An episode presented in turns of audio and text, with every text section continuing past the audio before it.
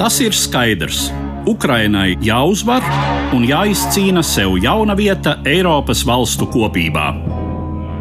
Bet neatbildēts paliek jautājums, kas būs ar Krieviju? Katra mēneša pēdējā ceturtdienā pēc trījiem es, Eduards Liniņš, uzdošu šo jautājumu Latvijas un ārvalstu ekspertiem. Mēs mēģināsim saprast, kas visticamāk gaida mūsu austrumu kaimiņu valsti un ko no tās varam sagaidīt mēs. Labdien, cienījamie klausītāji!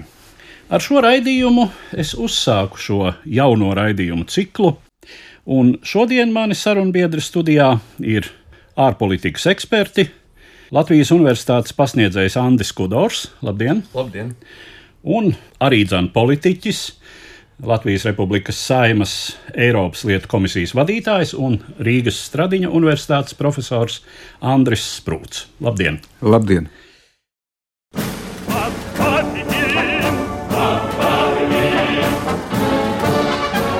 Pirmais scenārijs - pa ordas traktu. Iespēja, ka Putina Krievija, ar vai bez Putina, bet jebkurā gadījumā esošais režīms iekapsulējas, norobežojas no Eiropas un attiecīgi pavēršas, acīm redzot, ar seju pret Āziju un veido kaut ko tādu, nu, kas arī ir Putinam viens no viņa sapņu scenārijiem - eiroziātiska eksistence. Es domāju, ka jāsāk ar to, kādi ir šī režīma noturības resursi. Vairāki droši vien ir tie resursi, ko Putins izmanto. Viens ir, ka viņš mērķiecīgi gatavojās turbulences periodam, izveidojot Nacionālo gvardiju ieliekot Viktoru Zolotovu, savu bijušo miesasargu vēl no 90. gadiem, par gvardas komandieri. Vēl viena lieta ir propaganda, bez šaubām, kas ir bijusi masīva, ilgtermiņa instruments, ar ko skalot smadzenes, un mēs redzam, ka daļa sabiedrības ir ietekmējusies. Vēl es domāju, ir pašu cilvēku bailes zaudēt mazumu kas viņa kabatās ir nonācis ap 2008-2007 gadu, pateicoties energoresursu pārdošanai. Un tad šīs bailes zaudēt to mazumu ir tādas, ka viņi ir gatavi klusēt un gaidīt, kas nu būs. Nu, kultūras īpatnības, tu pieminēji to ordisko līniju, tur nāk. Jā. Man patīk tas teiciens, ka Krievijā 20 gados nomainās viss, bet 200 nekas. Tas ir par to kultūras relatīvo nemainīgumu. Nu, dažādos līmeņos ir gan ahilēja papēža ievainojamības elementi, gan vienlaikus tomēr arī kaut kādā veidā šī režīma nu, teiksim, stabilizējoša elementa politiskās elites līmenī, pat ja ievainojums ir tas, ka faktiski šī elite bijis pie varas ļoti ilgstoši. Un šeit ir jautājums arī par konkrēti jau vecuma jautājumiem attiecībā uz Putinu un cik viņš ilgi kandidēs.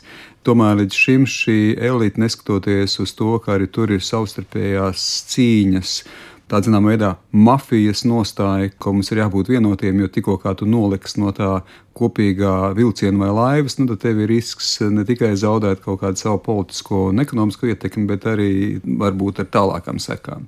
Otrs ir nenoliedzami, ka tā, kas tomēr Krievijai vienmēr šī patriotiskā kārta bijusi spēcīga, Putins, tie, kas apkārt stāv, ir spējuši atrast no nu, tāda zināmā veidā diezgan izaicinošu mēdīju pieeju, ka no vienas puses mums jāaizstāv mūsu tiesības uz lielvalstiskumu pasaulē, bet tajā pašā laikā nu it kā saglabājot normalitātes sajūtu sabiedrībā. Mēs esam karā, mums ir jābūt vienotiem, bet it kā karš tiešā veidā nevienam mums neskar.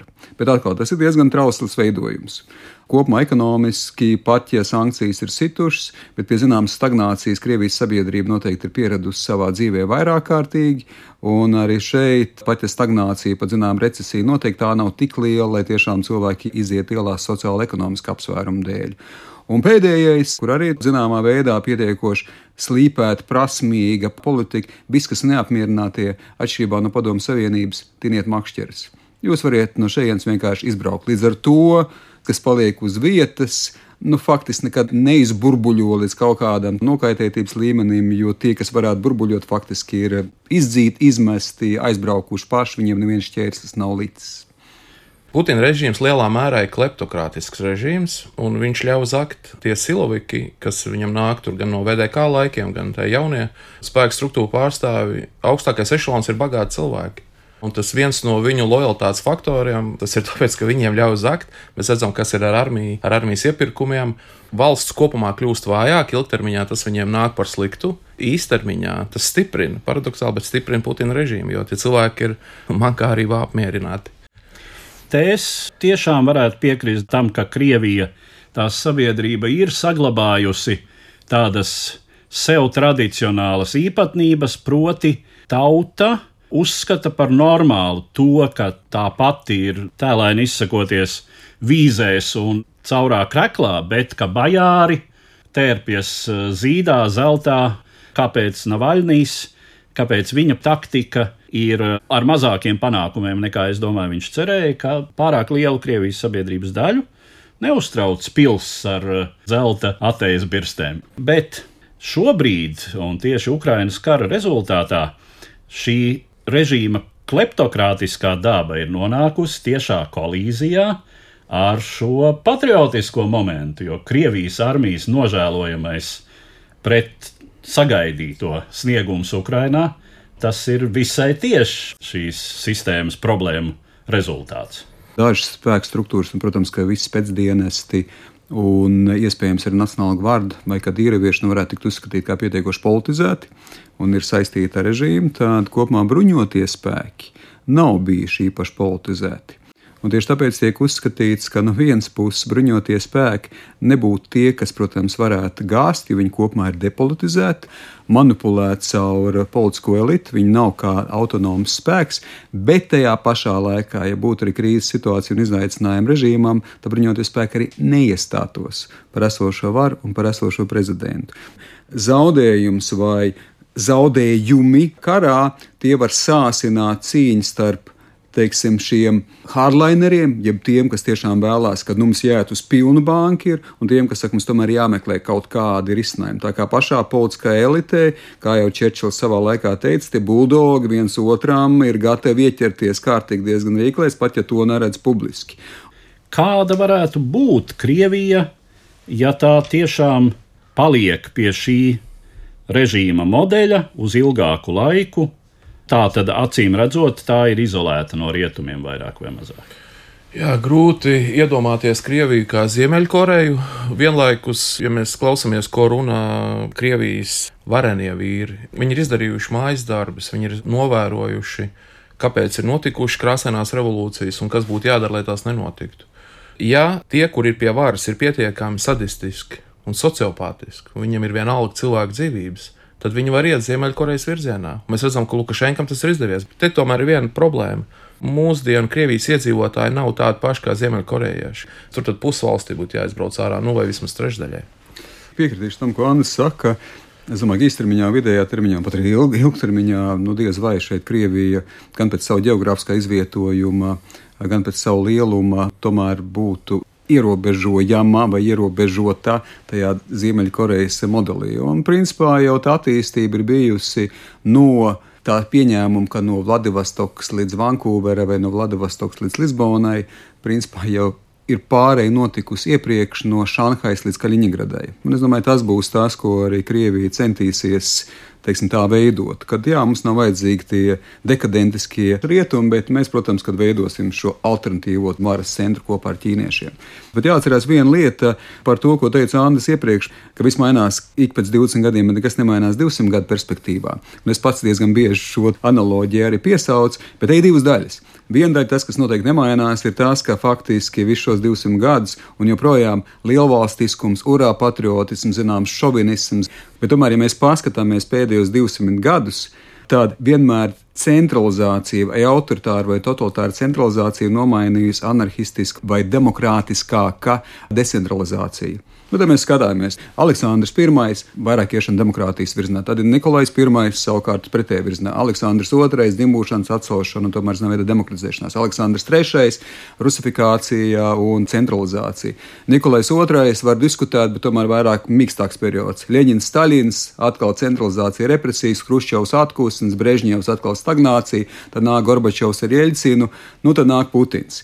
Būtībā pēdējos 200 gadus nu, mēs redzam arī šo svārstu pietiekoši nepārtraukti. Un tad jautājums, vai šis svārsts, šī slavofilu un rietumnieku savstarpējā miedarbība arī tīri idejiski, vai viņi ir šobrīd noslēgusies, vai tomēr viņai būs turpinājums. Un es tomēr riskēšu apgalvot, ka nestoties to visu, kad arī šeit ir daudz cilvēku no Krievijas izbraukuši, kas varētu nest šo rietumnieciskumu vai demokrātijas elementu, tomēr joprojām šiem svārstiem ir vēl potenciāls. Tas ir mūsu trešais scenārijs, par ko es gribēšu parunāt. Bet Vai šāds modelis, kur Krievija nu, diezgan neizbēgami kļūst par Ķīnas piedēkli, ko tas sola savukārt rietumiem? Vai mēs varētu domāt par jaunu augsto karu, kur eh, centrs vairs nav Maskava primāri, bet Pekina? Pekina ir paudusi nesen to, ka viņi ir mierā ar to, ka pasaule būs bipolāra. Tātad viens pols ir ASV un Pekina ir otrs pols tad Eiropa ir piedēklis ASV, un Krievija, jā, tad ir kaut kur viņiem kā trešais mazsvarīgais, kā ķīnieši. Vai Ķīna liks galvu ķīlā par Krievijas likteni? Galīgi nē, protams. Un krievu mentalitāte ir tāda, ka viņu tās ambīcijas, ka viņi negrib būt kaut kādā pakļautībā. Lai gan tāda tendence ir, ka viņi varētu Ķīnu pakāpeniski tur viņu ietekmi pieaug Krievijā, es drīzāk redzu, ka tur būs kaut kāds lielāks kataklizms, sabrukums nekā viņi būs stabili pakārtoti Ķīnai. Šeit es negribētu nu, iestāties Krievijas aizstāvībā, bet tomēr es būtu mazliet atturīgs par šo pilnīgi bipolāro pasauli. Tad ASV un Ķīna nenoliedzami, kad ir teiksim, tā formatīvie lielumi pasaules ekonomikā. Un Krievija joprojām paliek zināmā veidā tā padomju savienības laika degvielas uzpildes stacija apbruņot ar kodolieročiem. Bet tur tie divi elementi Kamēr resursi svarīgi, tikmēr Krievijai būs pietiekoši liela ietekme globālajos tirgos. Otrs, protams, ka Krievijai vienalga kādā veidā, bet tomēr kodolieroču un bruņojums ir, un tas tomēr ir arī zināmā veidā spēka faktors. Un galvenais tajā visā stāstā. Beig beigās mēs runājam par globālo konfliktu. Mēs ejam globālā konflikta fāzē, vismaz tā vien šķiet šobrīd. Griba ir ļoti nozīmīgs elements. Mēs nezinām ķīniešu gribu iesaistīties konfliktā un iet līdz galam. Tas, ko es teicu par to bipolāro, bija paši ķīnieši nesen pausts vēstījums, ka viņi redz bipolaritāti nevis kā augsto karu, kurš ir pavisam tuvu karstajam karam, kā tas bija tajā Varšavas bloku un NATO pretstāvē augstākā laikā. Nē, viņi šo bipolaritāti redz kā sadarbības iespēju. Te jau ieskanējās Anna teiktajā, ka var būt sabrukums, un arī šādas balsis izskan visnotaļ bieži. Krievija ir gatava sabrukumam.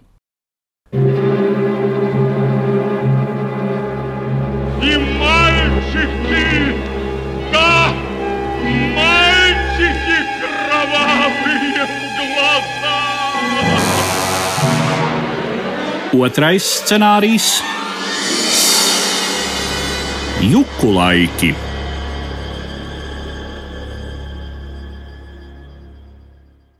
Kas varētu būt potenciāli tie faktori, kas šo lielo valsti varētu sākt raut gabalos?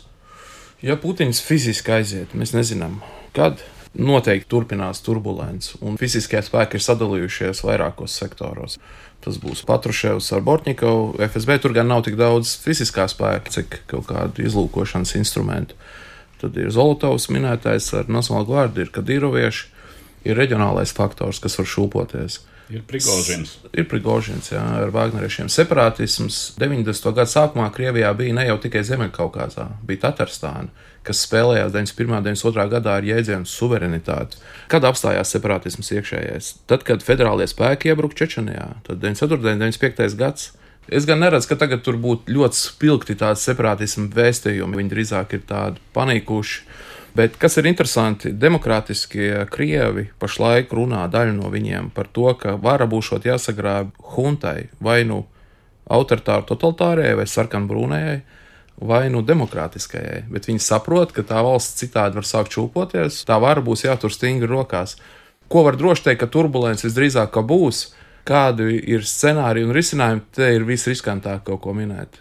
Tas kautiņš varētu būt bīstams globāli, runājot par kodolieročiem. Un, ja sāktos liels pilsoņu karš vai kaut kāda reāla valsts izjukšana pa gabaliem, es tad nebrīnītos krietumi sākt spriest par kaut kādu sabiedroto spēku ieviešanu, lai nokontrolētu kodolieroču, domājot par globālo drošību. Jukas un sabrukums, tās, nu, manuprāt, ir divas atšķirīgas lietas. Un personīgi skatoties caur savu pētniecisko prizmu, es teiktu, ka jukām ir ļoti liels potenciāls, bet sabrukumam ir ļoti maz potenciāls. Jo lai būtu valsts sabrukums, jābūt ir struktūriskiem priekšnosacījumiem. Ja mēs arī atskatāmies, pieņemsim, padomu savienības sabrukumu, tad struktūriskie priekšnosacījumi ļoti spēcīgs etnopolitiskais faktors uztver par to, ka tiešām mums ir jāiet prom, lai mēs iestātos paši par savu kultūru un savu nacionālu izdzīvošanu. Otrs ir, zinām, veidā geogrāfiskais izvietojums, kas to ļauj.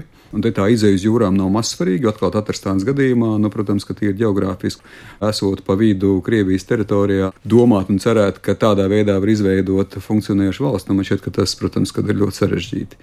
Nu, tad provizoriski mēs paliekam pie Kaukāza. Tur šīs tendences ir bijušas, un nevar izslēgt to, ka tie, kas šobrīd absolūti ir lojāli, tāpēc ka viņi tiek subsidēti, viņi tiek iekļauti varas struktūrās, un viņi saņem savas privilēģijas, ka tajā brīdī, kad tā nebūs, ka viņi ir gatavi iziet teiksim, uz lielāku neatkarību. Bet kopumā es tomēr priekšnosacījums Krievijas sabrukumam teikšu šobrīd neredzu. Tas nenozīmē, ka nebūs šī varas cīņa par to, kam kas pienākās, tā kā tas kaut kur bija 90. gada sākumā, bet arī tā patiesībā ir mācība no 90. gada sākuma, ja tu izdeji to ar konflikta beig beigās, kas ir kopumā teorētiskajā literatūrā, ja tu iegūsi kaut kādu savu autonomiju centra vājuma brīdī, ir pilnīgi skaidrs, ka tajā brīdī, kad centrs atgūs savu spēku, tad viņš centīsies paņemt atpakaļ to, ko viņš uzskata par atņemtu. Krievijai pēc viņas lieluma. Demogrāfiskiem aspektiem būtu jābūt federālai valstī. Ja viņi uz papīra ir federatīva, bet viņa de facto nav. Ja reģionālās pilsoniskās sabiedrības pietiekami attīstīsies un iegūs kaut kādu pašapziņu, kas viņi ir, nu, viņiem ir jābūt priecīgam prātam, esot kopā ar visiem pārējiem reģioniem. Un te ir problēmas ar to pašu Ziemeļkaukāzu. Tatārstānai tie elementi, kas varētu veicināt separātismu, ir vairāki. Viņiem ir gan etniskais, gan reliģiskais. Es biju savulaik Jakutijā un redzēju tur iekšējos noskaņojumus, un tur nav tas, kas bija Baltijā. Tāds spilgta pašapziņa, ka mēs esam mēs, mēs esam atšķirīgi un mēs gribam savu valsti. Es to Jakutijā īpaši neredzēju. Vienlaikus man parādīja Jakutijas karti, derīgo izrakteņu ieguvumu varētu būt radikāli bagātāki, ja viņi paši to kontrolētu. Te ir gan centra tieces, gan centra bēdas faktori. Varbūt nedaudz vienkāršojoši, bet tomēr analoģija, ka no otras puses Ķīnā varētu būt piecas laika zonas ar vienu laika zonu. Ķīna faktiski ir civilizācija, kas pretendē būt par nāciju valsti. Ķīnā varētu būt, principā, pēc daudziem priekšnosacījumiem, federāla sistēma, ja mēs runājam, redz, ka būtu jābūt. Krievijas gadījumā, savukārt, kur būtu jābūt septiņām laika zonām, ir 11 laika zonas. Krievija savukārt ir otrādi. Tā ir nācija valsts, kas pretendē uz civilizācijas statusu. Tāpēc, izējot no šīs analoģijas, es teiktu, ka faktiski Krievija, pat ja tur ir šie federalizācijas elementi, viņi varētu būt vairāk centralizēti nekā viņi pat ir šobrīd. Pēc teiksim, šī etniskā veidojuma nu, ir diskutējama. Manuālā vadība nav efektīva ekonomiski. Viņi būtu bagātāki, ja atsevišķi subjekti reģionālie vairāk darītu paši, pie sevis paturētu, būtu vairāk ieinteresēti. Šī centralizētā sistēma viņiem nāk par sliktu ekonomiski. Jo Maskava uzsūc un Sanktpēterburgu, un tur paliek reģionālā nevienlīdzība, ir neveselība. Te ir runa arī par mentalitāti un par to, vai tur ir pilsoniskā sabiedrība stipra vai nav. Mēs redzam, ka viņi ir ārkārtīgi vāji. Tieši tāpēc, ka šīs teritorijas nav bijušas pārāk daudz apdzīvotas viņas ir ekonomiski dažādi attīstītas. Gan varas centram ir bijis nepieciešamība subsidēt vai palīdzēt, tīri ekonomiski, un otrs puses tas, kas, protams, Krievijā atkal mēs atgriežamies pie klasiskā elementa vai, vai diskusijas.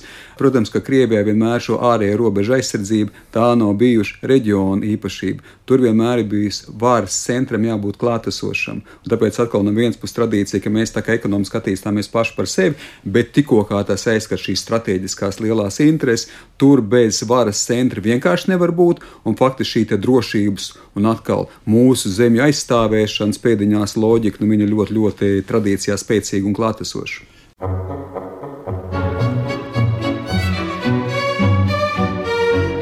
trešais scenārijs - Oda priekam pār Gulbju ezeru.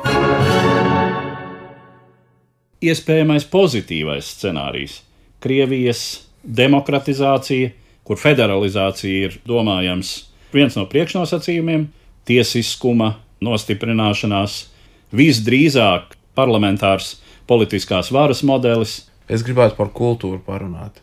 Orlando Figes, jeb Faiģis, kā kurš izrunā, ir pētnieks, kurš uzrakstījis grāmatu Natašas Dens, fantastiska laba grāmata, kur viņš analizē tādus trīs lielākos faktorus, kas ir ietekmējuši to, kas ir mūsdienu Krievija, kas ir politiskā doma Krievijā, kas ir Krievijas kultūra. Viņš izceļ Eiropu kā vienu no faktoriem, jo Krievijas elite caur gadsimtiem ir bijusi pro-eiropeiska, zināja franču valodu. Un gal galā tur daudz cilvēku viņi importēja. Pēters I importēja dažādus speciālistus. Itāļu arhitektu, vācu inženieriskā doma ir Krievijā klātesoša. Kremlis gal galā arī projektēja Itālijas. Otrs faktors bija Tatāru mongoļu periods. Jā, un 19. gadsimta beigās parādījās arī Anglomānija faktiski jau 19. gadsimta vidū. Nu, un, Jā, uh, visā... Savukārt tādā vidējās buržuāzijas līmenī ļoti ciešas saiknes ar Vāciju. Arī Skandināvija, Nīderlanda savukārt un tā tālāk, know-how imports un tam līdzīgi. Un tad trešais ir pareizticīgā baznīca. Atstāstu, ko Orlando Faidžers rakstīja. Pareizticīgā baznīca ir veicinājusi to, ka tatāru mongoļu nodarītās traumas, kultūras traumas, psiholoģiskās traumas nav tikušas dziedināts tik ātri, kā viņas varētu būt. Jo pareizticīgā doktrinārā ideja ir tāda, ka ir simfonija starp garīgo varu un laicīgo, un 11. gadā, tad, kad bija Bolotnē laukuma protesti, Patriarchs Kirillis teica, te nav ko tagad iet protestēt, ir jānodarbojas ar garīgiem jautājumiem. Tas valstī kritiskā brīdī izskan. Tātad Maskavas patriarchāta vadība kritiskos brīžos ir palīdzējusi supercentralizētai varai, arī karu atbalstot un tā tālāk. Tāds kokteils, manuprāt, rada zināmas pretrunas, lai Krievija vai nu tā pamatīgi novirzītos uz liberālo demokrātiju un pārņemt protestantisma valstu kultūras praksi. Vai nu arī aiziet Ziemeļkorejas vai Ķīnas virzienā. Viņi nav ne tur, ne tur. Tāpēc Aleksandrs Dugins atnāca ar ideju, turpinot Eirāzistus no 23. gadiem, 20. gadsimta. Pasakot, ka Krievija nav ne Āzija, ne Eiropa, tas ir kaut kas jauns, tā ir atsevišķa civilizācija, Un tad katrs tur, vai Girkins, vai, vai Putins, vai Kirillis patriarchs ieliek. Krievijā, atbilstoši Almondu un Verba, tai politiskās kultūras idejai ir pakļautības politiskā kultūra. Šī pakļautības politiskā kultūra neļauj liberālajai demokrātijai attīstīties, jo pilsoņi nepārtraukti ir augstākas expectācijās pret varu, gaida, ka viņi vai nu izdarīs, vai ne, neizdarīs. Tas nozīmē, ka vara ir vai nu dievs, vai nu sātans. Tā vara ir vai nu super ļauna, viņa acīs, vai nu super laba, bet viņi paši nepiedalās pietiekami, lai to varu ietekmētu. Un, ja šī vēlme piedalīties ar pilsonisko līdzdalību un ar politisko līdzdalību, ja sabiedrībā viņa nav pietiekami aktīva, tad tur gandrīz vai automātiski uzvar stingrā roka. Tas, kas bija pa viņiem, ko Andris teica, pilnīgi piekrīt, iespējams būs pamatīgs atkusnis. Jautājums, cik tas fundamentāli izmainīs Krieviju, un viņi tagad beidzot nostiprināsies vienā, otrā vai trešajā veidā un neradīs turbulenci pasaulē, ne tikai sev. Tas ir liels jautājums. Protams, ka mēs varam atsaukties uz ļoti dažādiem Krievijas prātiem, smislavikiem, nevis silavikiem, bet smislavikiem, kas nāk ar savām idejām un domām. Vladislavs Surkovs - strateģiskā vientulība, kā viņš izteicās. Mēs 300-400 gadus centāmies ar Āziju, ar austrumiem, nesanāca. Mēs 340 gadus centāmies ar rietumiem, nesanāca. Mums nekas cits neatliek, kā šajā strateģiskā vientulībā arī turpināt to savu miedarbību. Un kopumā var jau teikt, man šķiet, ka Krievija ir uzbūvēta ar zināmu strateģiskās vientulības, ja tā var teikt, orientāciju.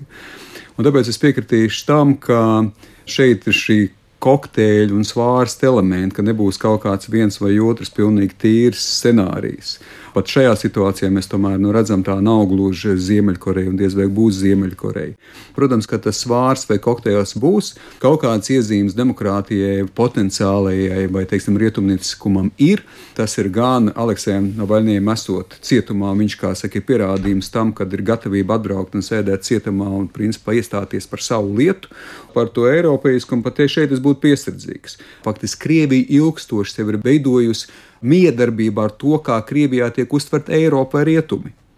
Bet, protams, jāatcerās, ka tur ir bijis arī izpratne par to, ka rietumi ir dekadentiski, lejupejoša, Un mums ir jāiet pilnīgi pretējs ceļš. Un ir, protams, ka tie, kas ir teikuši, ka mums vai nu tehniski vajag teiksim, tā paņemt labāko no rietumiem, vai nu mums tiešām vajag būt par pilnvērtīgu Eiropas sastāvdaļu. 2011. gadā mēs runājam par bezvīzu režīmu starp Eiropas Savienību un Krieviju. Bet nu, tur tā rokāda, kas nomainīja to savstarpēju uztveri. Bet līdz ar to šeit nevar izslēgt kaut kādu gan medus mēneša elementu nākotnē, gan kaut kāda demokratizācijas elementa, bet atkal jāatcerās to 200 gadu ietverā tas otrs vārds, ka, protams, šī lielvalstiskuma, lielvaras, impēriskuma tendence tā vienmēr ir bijusi klātesoša tajā kokteilī, un, protams, ka tas nekad neļaus Krievijai būt par pilnvērtīgu Eiropas nāciju, jo būtībā Krievija uztver sevi vispirms kā civilizāciju, kas ir pati par sevi. Un es domāju, ka šo neatņemt, un tam ir arī savu priekšnoteikumu. Arī tā skaitā, kādā veidā Krievija kā valsts, kā sabiedrība ir uzbūvēta. Līdz ar to teiksim, doma, ka rietumiem ieguldot vairāk enerģijas, veidojot dziļāku izpratni, protams, arī materiāli piedaloties kaut kādā Krievijas demokratizācijas procesā, ka tas varētu dot principiāli citādu rezultātu. Ļoti ierobežots iespējas tam. Es tomēr lūgtu, ievērojot visu, ko mēs teicām par to, ka modeļi droši vien nevar būt tīri, bet, ja mēs noliekam šos trīs pamat modeļus, izsakot procentuālā izteiksmē, Es nevaru noslēgties vienam atsevišķam un dot viņam kaut kādu vairākumu. Tas vārds kokteils, ko mēs te minējām, manuprāt, viņš ir atslēga vārds. Tur ir par daudz viskaut kā, tur ir par daudz visādu ietekmes faktoru. Tā 90. gada cerība, kad mēs ieviešam demokrātiskus likumus, mēs pasludinām, ka likuma vara ir, mēs ieviešam institūcijas un procedūras un ceram, ka tur uzreiz būs liberāla demokrātija, tas nepiepildījās. Tika ignorēts kultūras faktors. Rietumi nāca ar ideju, kultūra neko nenozīmē, senās tradīcijas, ordas laikmets neko nenozīmē krieviem. Uztaisam likums, viņi uzreiz būs demokrātiski. Baltijā notika tur nē, kāpēc? Vēstures beigas neiestājās, Fukujamas idejas neuzvarēja, tāpēc ka izrādījās, ka cilvēki politikā redz ne tikai drošību un labklājību, bet arī savu identitātes aizstāvības elementu. Es padodos. Es teikšu godīgi, es nezinu, kas būs. Pirmkārt, ja mēs runājam par šiem trim scenārijiem, Es neuzskatu, ka Krievijā šobrīd ir totalitārs režīms un principā tas ir iespējams totalitārs. Totalitārs bija Staļina laikā, kad visi dzīvoja piedošana komunālkās un faktiski viens otru varēja vienkārši izsakot. Totāla kontrole. Nu, es nedomāju, ka Krievijā pēc definīcijas ir iespējama. Mēs runājam par tādu zināmu autoritāru scenāriju, antirietumniecisku un agresīvu scenāriju, tad tam, protams, ir ļoti liela iespēja būt īstermiņā kā dominējošam. Ja mēs runājam par vidustermiņu, tad es domāju, ka vidējā termiņā noteikti mēs varam runāt, ka šeit ir potenciāls ar kaut kādām jukām. Ilgtermiņā mēs noteikti varam runāt arī potenciāli par šo svārstu elementu. Tā kā te mēs skatāmies, kādā laika nogriezienī mēs runājam.